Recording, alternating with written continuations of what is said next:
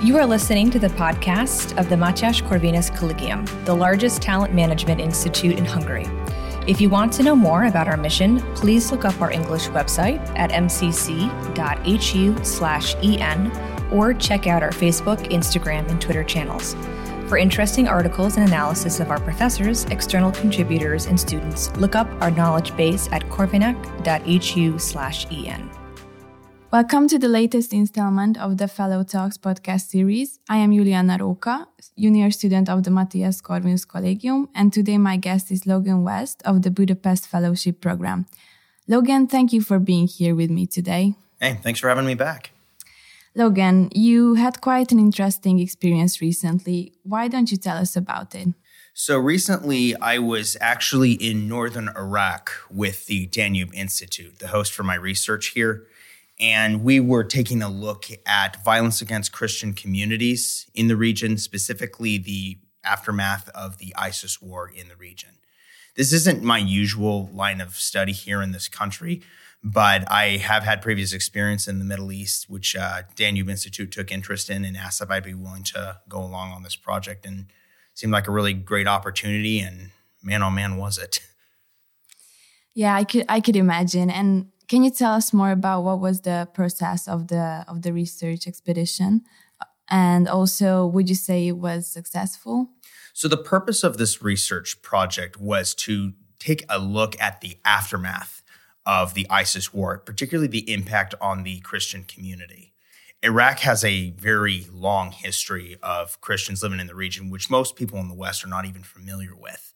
But it's literally since the days of the Bible the biblical region, the Middle East, uh, Christians have lived over there for millennia, for for for count for countless years.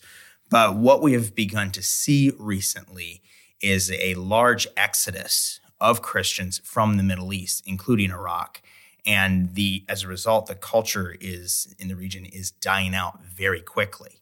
Most of the world became aware of it during the days of the ISIS war, but what our research project was doing was taking a look to see what was the situation today, to take a look if it was recovering, was it still in mass exodus, and if so, what was the cause behind it.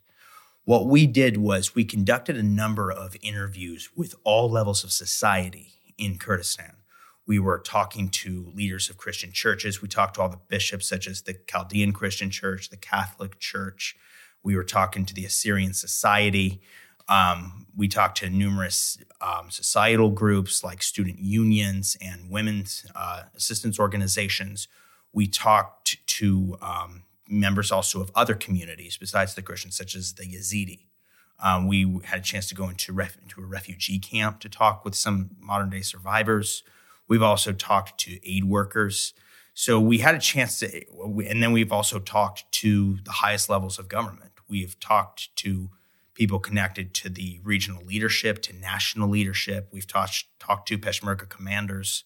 We really had a incredible inside track into that society and talked to all members of all levels. So it, it was really an incredible opportunity.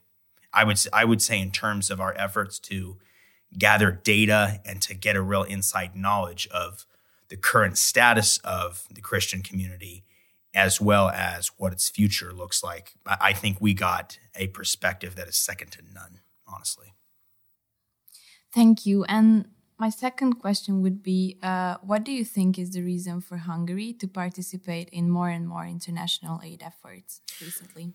So, when it came to our research, we were supported by Hungary Helps. And we were very much an independent institution, but with the support of Hungary Helps, we were able to further the mission of understanding what's happening to the Christian community. When it comes to Hungary's own international aid efforts, it has developed a doctrine that is strongly focused on Christians in need. Um, there, Christ, Christianity has become the most persecuted religion in the world. If you take a look, take a look at the statistics, so just Open Doors USA, and as a result of that, that's why Hungary has focused its efforts there. Bear in mind, it, for Hungary, Christianity is a very, very powerful element to its national identity. Um, all that traces all the way back to the days when the Magyars first came into the Carpathian Basin, and when King Stefan established the Kingdom of Hungary. Christianity was one of the central pillars. It tied them to the uh, Catholic Church. It per- permanently intertwined its destiny with Western culture, and so it's. I, I would say there's that that cultural element that guides, to an extent, guides Hungary's uh, doctrine and policy towards foreign aid. We have seen that most recently, I would say, in Turkey after the recent earthquake efforts. Um, there's a large Christian community out there that's been persecuted for a while, and they were actually some of the worst hit from the earthquake, in addition to the rest of society. Um, we also saw refugees coming in from Syria and other other areas to try to get access to aid because they've been in destitution for so long. And so Hungary actually deployed a rescue team over there to help find survivors after the earthquake, as well as provide some some medical and material relief. And a lot of that was geared towards the Christians in the region. Hungary has Hungarians have always been giving and always tried to help when, when they can, but in terms of developing it into an apparatus and a construction, that's fairly recent for the Hungarian government, and that's through the organization Hungary Helps. So in the in the coming years, my I would suppose that that is what a lot of their efforts are going to continue to look like, which is going into areas and trying to help the Christian community specifically, since it's been so strongly persecuted. Thank you. And uh, circling back to your expedition, um, do you believe that the Christians in Iraq are close to extinction? When it came to our to what to the results of our findings, we found that the exodus is continuing very strongly so of Christians from Iraq in particular. It, a lot of other research has shown that it's all over the Middle East, but we were specifically focusing on Iraq. What we have found was that the youth was just leaving largely in mass. It's and it's not necessarily for issues of like they're constantly under attack today. After after the fall of ISIS, um, thanks to to U.S. backed coalition forces, the outright attacks have largely dwindled to nothing.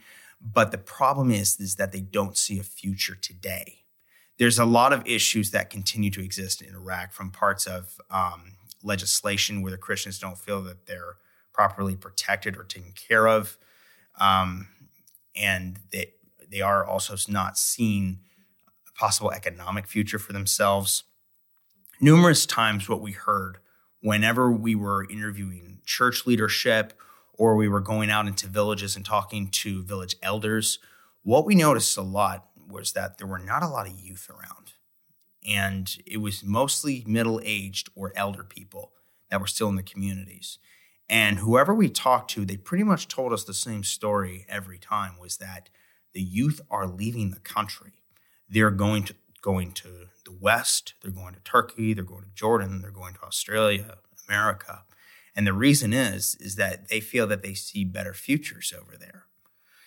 Um, as a result of that, Christianity is not necessarily disappearing as it is changing. It's leaving the Middle East, but these people are are still alive. They're still surviving. It's just that their culture is changing, and that necessarily also uh, concerned the village elders in that the, the language was dying up, traditions would disappear, uh, Christianity's footprint in its in its cradle, which is the Middle East, was going is going away.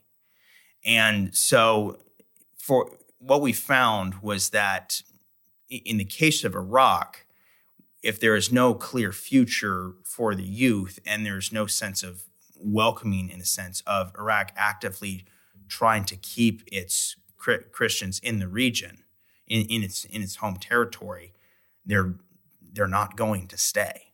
So, as far as extinction, the, the people themselves are not being wiped out it's the culture that's disappearing from the region because the people are leaving. They're they're going they're going for greener pastures, which they would what they perceive to be greener pastures. Logan, uh, thank you very much for your answers and thank you for being here. Um, that would be it for today's podcast. Thank you very much. Thank you for listening to this MCC podcast episode. For further media content, please look up our English website at mcc.hu/en or look for us on Facebook, Instagram, and Twitter.